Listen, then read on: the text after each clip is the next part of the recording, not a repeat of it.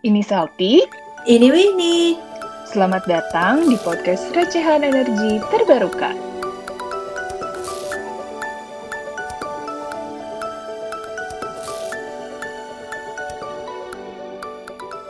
After your South Africa chapter, and then you move to new chapter, Asia chapter, right? So, what motivated you to work in different countries across the world, even different continent? I think. So, so the, the plan was never to to go to Asia. If, if in 2007, eight, and nine, I had I had no intention of, of going to Asia. Um, I was I was happy with the way things were going. Um, but then I met a girl, and that changed everything. So she uh, was from Thailand, and it was ended up being a very long distance relationship. Um, so I was in South Africa, and she had to she went back to Thailand where um, where she lived, and I started to think that I wanted to be with her, and we discussed how we can do that. And we looked at be her moving back to South Africa, or we moving to Ireland together, or me going to to Thailand to be with her. And this was just at the start of the wind sector boom in Thailand, and it became very obvious with a little bit of research that uh, it was going to be make much more sense for me to uh, to go to to Asia than than any other uh, any other scenario. Um, and so I sent CVs to a few companies and um, and had a job pretty quickly in Thailand. Wow, because of love. yeah, the motivation is love. That's it. You can't uh, you can't plan for everything. Things come from the side and and change your change your plans. Um, but in this instance, it, it, worked out. So we we we um, we subsequently got married and and we're still together. So it turned out to be uh, at the time a bit of a gamble, but uh, definitely worth it. And you also start to learn Thai. I also started to learn Thai at that time. Yes. And now you are fluent then. Still learning. Oh, still learning every day. but it's um. I mean, it was, it was amazing to, to that you know my career and my job kind of enabled my personal life. So so the fact that I was in wind energy and and and wind energy was emerging everywhere around the world. Had I been in a different sector, had I had I chosen a different career path, um, you know, I definitely wouldn't have met my wife. Uh, and and even if I had, maybe I wouldn't have been able to follow her just for purely economic or viable reasons. So kind of wind has, has allowed me um, kind of to move around the world um, and allowed me to follow follow the paths that I wanted to, the love that I wanted to find, and the, the career that I wanted to pursue. So now, uh, after you you started living in Thailand, could you please tell us about the work when you just came to Thailand and how was the situation at that time? I mean, like renewable energy industry in Thailand. Sure. So so when I um when I wanted to move to Thailand, the first wind farms were already in construction. So the first two wind farms had entered construction, and the government had big ambitions, and there were there were many um, many people trying to to build wind farms to take advantage of what was a very attractive tariff at that time, and so everybody was crying out for experienced people, or, or even people with a little bit of experience. Um, and I I think I sent out four CVs, and had four job offers before I ever went to Thailand. Um, it was it was that was the that was the the dynamic at that time. And I was just really lucky that I had you know a bit of Irish experience, a bit of South African experience, and this made me kind of desirable then in the Thai market. Um, and I didn't end up working for a Thai company at that time. I um I went with a consultant. And kind of the reason being that consultant was working not only in Thailand but also in the Philippines, which was just getting started. Um, had been working in Japan and Korea, which were um, already pretty established and doing lots of feasibility then everywhere around Southeast Asia. So I decided that uh, that was the best place to kind of get a vantage point of Asia from. Um, and I joined Mott MacDonald again as a technical analyst. So pretty much what I had been doing previous companies, uh, energy yield assessment, but this time as a as a consultant. And after you work for like several years in Mott, make you move to another company, right, Brian? So could you please tell us what are the companies before you start working in in the current company? Sure. So, so I um I didn't spend long in the consulting world. Consulting was was good. Um, it was interesting. You come across many projects in many regions, but you, you don't you don't really ever get to work on the problem. You spend most of your time kind of highlighting problems rather than trying to fix problems. Um, and I had been working for developers before that, and I knew I wanted to work for a developer. Um, and so one of the companies that we had been consulting to offered me a job. This was a Thai company called Wind Energy Holding. It was the biggest um, Thai developer at the time, biggest developer in Asia at the time, or Southeast Asia at the time for sure. Um, and so I spent a few years there, again, primarily developing in, in Thailand. The portfolio was rather big. 750 megawatts that that company realized in the end, which was quite a quite a size. Um, and then, then they had ambitions for for the region. And after a few years with Wind Energy Holding, I um, I started with an, an wind energy startup in Bangkok again. It looked like wind was going to be a kind of a permanent solution in, for the Thai energy sector. Uh, but shortly after I joined the startup, uh, there was a change of government, change of policy, and um, wind was no longer seen as desirable. So that led me then to thinking it's a good idea to be involved, not just in a company that, that focuses on any one country, but better that uh, better have that international outlook so that when policy changes in one place that um, there's still something to be done in, in another in another market. And FYI South, Brian really knows like all the wind in Thailand. Only know the place and then he already knows like what the wind speed is. Right, Brian? Wow. This is um this is too many hours spent looking at energy yield assessments around the country. Um, it's, it's, it's, actually not that difficult. Thailand is Thailand is generally a low wind speed climate, um, and it's kind of a, it's kind of sheltered. You know, it's it's it's away from the it's away from the coast, and so the the windy areas are um, are not that many. So if you're in the sector there, you tend to know where they are. And now, uh, could you please tell us about your current work? We also say that please please promote your company now to our listeners, especially. please, Brian. okay. We get to do the pitch now, which is. Uh, so, uh, well, both Winnie and I work at BayWa RE, which is an international renewable energy investment and development firm. It's a very old German business. Uh, it goes back more than 100 years in kind of agriculture and building material sector, um, but has spent the majority of the last decade and a half with the renewable energy business as well. So BayWa RE is the renewable energy wing um, and is global player in in the both wind and solar, um, but also in other renewables. Company has brought into operation in excess of three gigawatts now, kind of in the last decade and a half, um, and we're active in 26 countries around the world. Where our colleagues are 3,000 people. Um, it's, it's, a very, very exciting environment. We have um, got colleagues all over the world and, and, experts all over the world that we can we can access and tap into. Um, the company started its international expansion early in the in the last decade and uh, came to Asia in 2015. And since then, uh, the company has grown really quickly. So we're in nine Asian countries, from Tokyo all the way down to Melbourne. Think about Asia Pacific rather than just Asia and we're we're about 200 colleagues now in in Asia working in mm. wind solar projects, um, but also hydro projects. We have a energy services and solutions business, and been phenomenal growth since since entering the region, and, and, and some some wonderful success as well. And more than 500 megawatts have been brought online just in Asia in, in that time as well. Um, and it's a real real dynamic team really great company to work for. My role in, in there is to look after the wind business. So the the idea is to try and establish and grow the wind business in the region. And with the help of Winnie and the rest of the wind team that, we, that we've set up, um, we've kicked off that scope and we're doing quite well. So we're, we're really active in Vietnam and South Korea at the minute, um, with the next markets to be decided and entered into next year. How about Indonesia? Are you like interested to start it? So Indonesia is on the target list.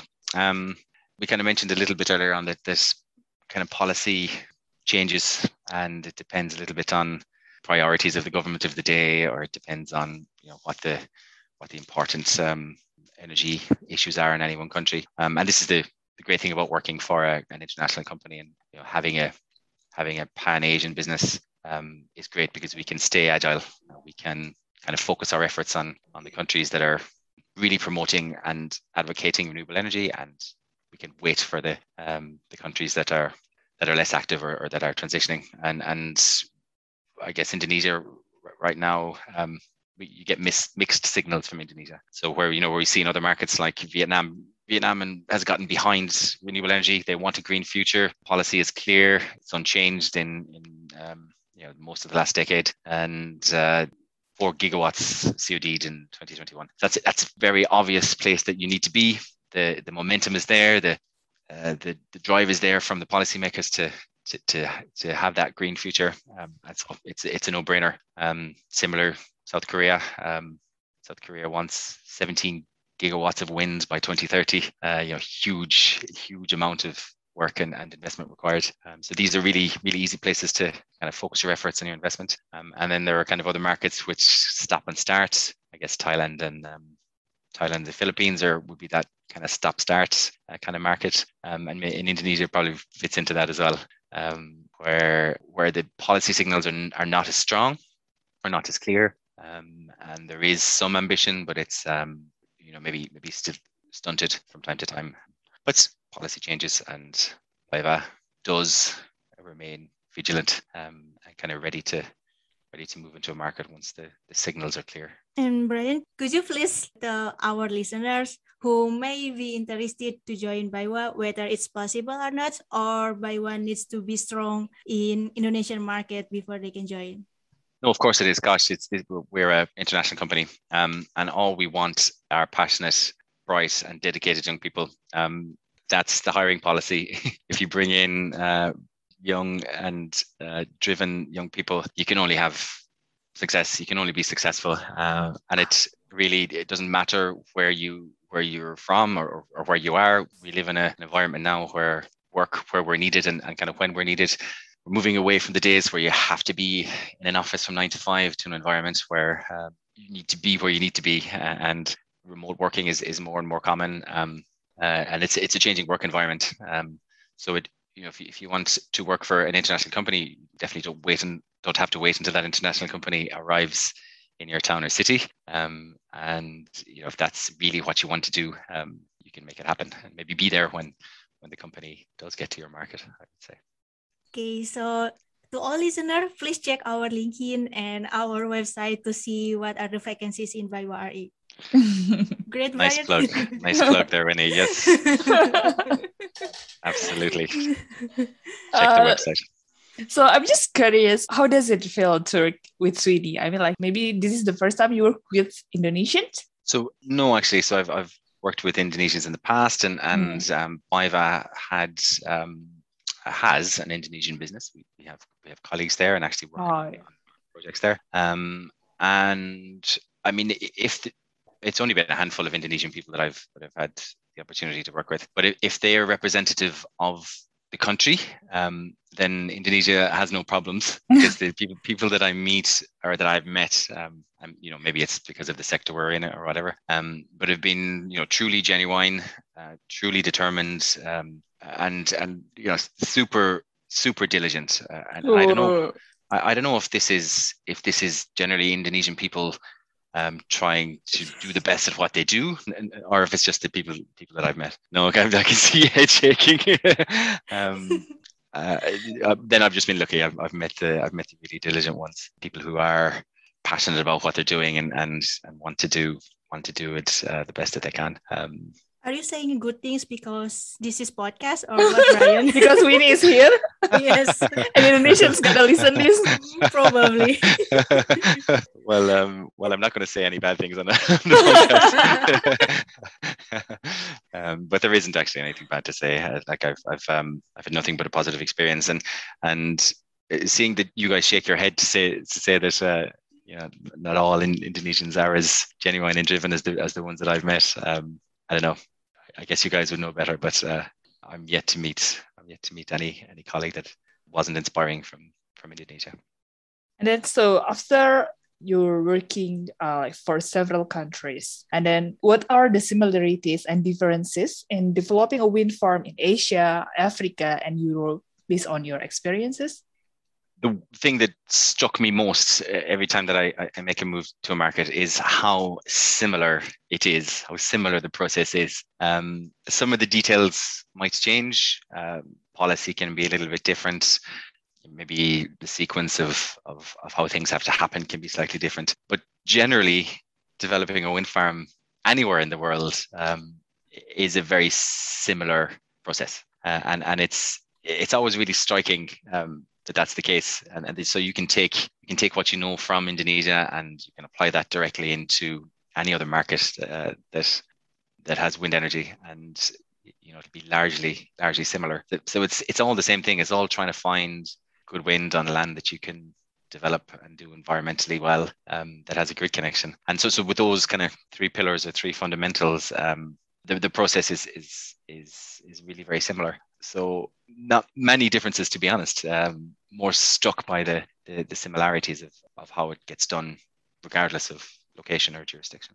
So how about the potential? I mean, like Thailand is a uh, tropical country, and uh, there are Korea and Ireland and South Africa that they have like four seasons. So the potential, the wind resources is still the same, similar. I mean, so the technology and the development of the technology is such that the whole world has been opened up to to wind energy. So when I started back in Ireland, you know, we were talking about um, 60 meter rotor diameters, 70 meter rotor diameters, kind of class one and two machines. And so we had to find the windiest sites just to be able to generate power. But the technology now is such that the lightest wind, the, the slowest breeze is, is, all, is capturable. And like, so for, for example, now we work in markets and right at the minute in, uh, in South Korea, looking at sites of five and a half meters per second, you know, which was unthinkable five, six, seven, eight years ago. Um, that you know you, you could unlock the wind potential at, at, at such low wind speeds. In Ireland, when I started off, we were talking about eight nine meter per second as viable wind sites, um, and so we're, we're much we're much lower now. So, so the technology has has just meant that um, the world is opened up now to to wind energy, and so um, be it a windy island in the Atlantic like Ireland or a tropical uh, landlocked country in, in Southeast Asia, um, you know there is resource there that can be taken advantage of uh, just because smart engineers have built uh, amazing technology. Maybe this is a dumb question, but people in Indonesia used to say, "Yo, wind energy is kind of like intermittent. Um, the intermittency is the problem." They always say something like that, even though like I don't agree with them. Maybe you can explain to the listeners like how stable it is the wind energy, or how reliable it is the wind energy to cover the energy uh, sector in the country. Yeah. Okay. All right. Yeah. So, so yes. So when, when the, the wind doesn't blow all the time, um, or it blows at different strengths, and so so there is a variability that's um, that's undeniable. But this doesn't doesn't have to be a problem. And you know, when you look across uh, energy portfolio that's diversified in terms of location or, or even even types of renewable technology becomes less of an issue. And the case in point is my own country is Ireland. So on a windy day, a 100% of Ireland's electricity will come from wind.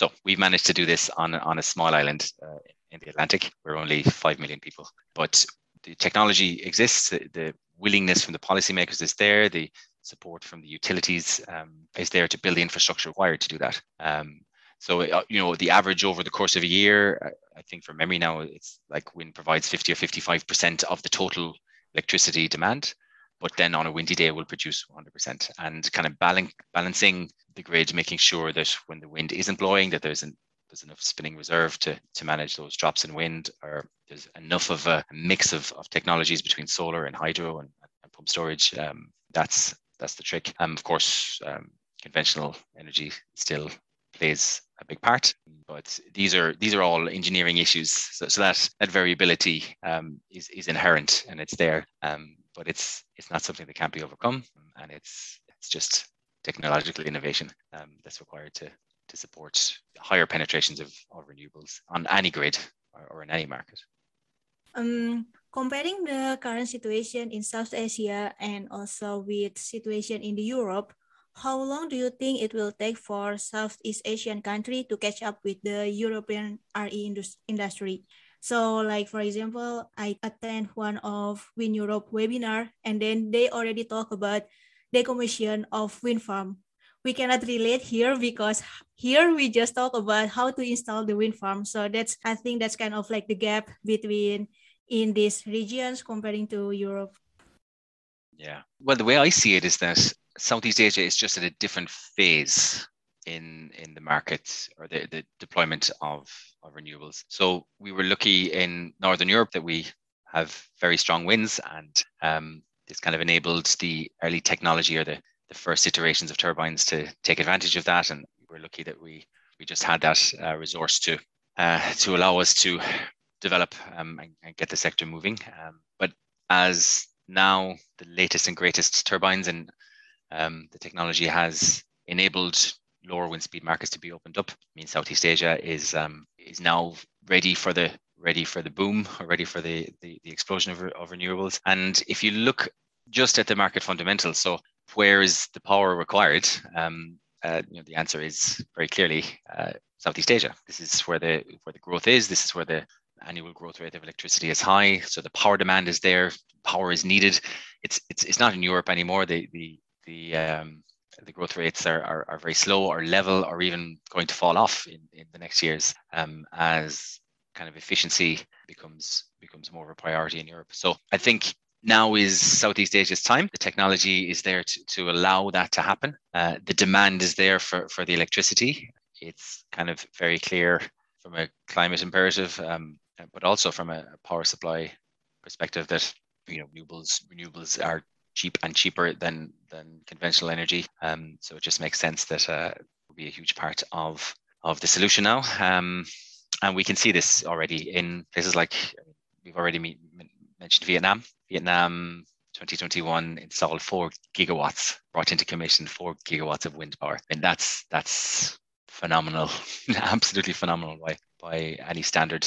And in the two years before that, um, it was eight gigawatts of solar solar ground mounted and nine gigawatts of solar roof, something like that in, in, in Vietnam as well. So the renewables is competitive, the demand is, is there, and so uh, it's Asia's time. It's Asia's time coming now. Yay, Asian time. yes. It's our time now. Maybe later it will be Indonesian time. Indonesian time. No doubt about it. Uh, Gil Salty, please, from government. Hopefully, it's centered in government, but it's like a systematic problem, I think. So, Brian, from your perspective, what do Indonesian students or graduates need to have to be able to be the next Brian Barry? Hmm. Like you, like you have many experiences, not only wind but also solar, and then you work also in the different continents you are like very famous in the wind industry everyone knows you and then everyone also respect you because you are very experienced that's um some accolades thanks Winnie um, maybe maybe too generous too generous but, but hey, race. Irish, Irish.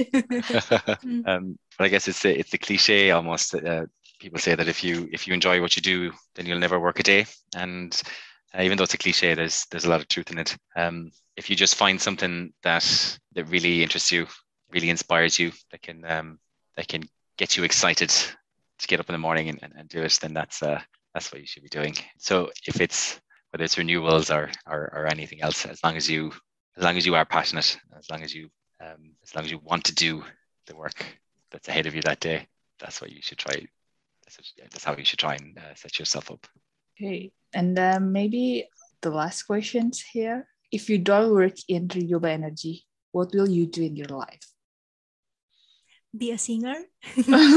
really, really hard question. Um, singing is a hobby. Yeah, singing is a hobby. Oh.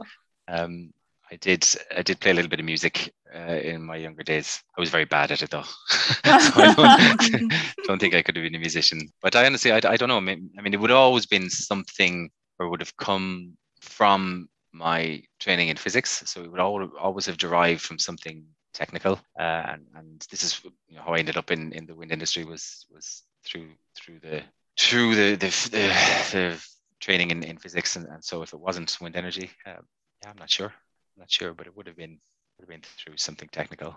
I, I couldn't even hazard a guess. I, I know nothing other than wind. That's all I know.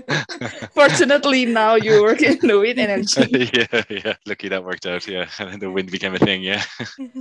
Okay, so maybe that was our last questions, and then we have a like small uh, section here. It's called a rapid fire question. So we're gonna give you an options, like two options. You just need to choose uh, whether you you prefer A or B. It's like uh, very simple questions it's not hard. Okay, maybe okay. you can start. Oh uh, yeah, and then you don't really need to explain unless you think you need it. So Okay. just, just answer our questions. So simple A or B. Yeah, or like yeah. Yeah, but but don't say A or B. Just say this. Yeah, Yeah, yeah, answer. Okay. Sounds fun.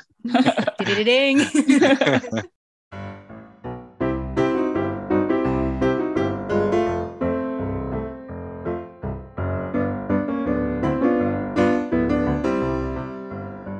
okay, first mm. question from me. Working in Africa or working in Asia? Asia. Mm, because of your wife. Largely, yes. uh no, is Asia or Southeast Asia? Southeast Asia. oh, Brian. Because of your wife again. same as the same reason. yeah, there's a trend. There's a trend here. People in Korea will complain, Brian. Which one do you prefer? Deal with government or with local people community? Local people community every time. Okay. And then the next questions deal with financing issues or legal issues. Ugh, really? No technical Yeah. issue here. can't, can't we just build turbines? Why do the lawyers and the financiers have to be involved? um, I would say probably finance Mm. uh, is slightly more interesting. Mm, okay. And the next one, high return, high risk or low return, low risk? Ah, do you mean my preference or what um, I would choose for BayWa? No, no, no. it's, This is about yourself. This is not about the company. it's actually a very good question. People will think it's about BayWa. No, this is about Brian Barry. Which Um, one? so, so, so personally, nothing to do professionally. Uh, I've taken lots of risks, and they've all worked out for me, and I've been highly rewarded. So I got to go high, high risk, high return. Um, Hmm. Professionally for BayWa, the opposite. Got to say that. Got to put in that disclaimer. okay. The next one, which one makes you happier? Your boss told you that you are the best person that he has in the company, or your sub- subordinate praise you that you are their best manager? Gonna have to be my team. Um, bosses are there to be argued with, and they're never going to tell you you're the best anything. So Ooh, but Brian is so sweet. And then the next one, do you prefer to have nine to six job or flexible time? flexible time. Uh, the world doesn't start and finish between nine and six. We live in a flexible world and must remain flexible. Hmm. Winter or summer? Summer. Someone from Ireland summer or Ireland? saying summer. In the winter right now, it's um, it's not much fun. But how short is this summer period in Ireland? The summer period in Ireland, Yeah. but the, the summer period is it's about three days, I think. I think we get three days. no, I'm kidding. It's, uh, it's supposed to be supposed to be three three months, but we, we, we get a few. We, we don't get many sunny days.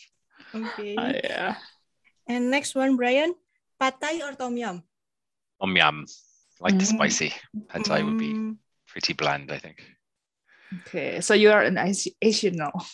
River. Yes. I'm uh, pretty much. pretty much. And then the last question: Iris or Thai?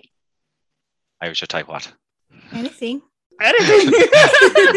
Any No. context? You're, you're going to have to be more specific because I'm going to get into trouble.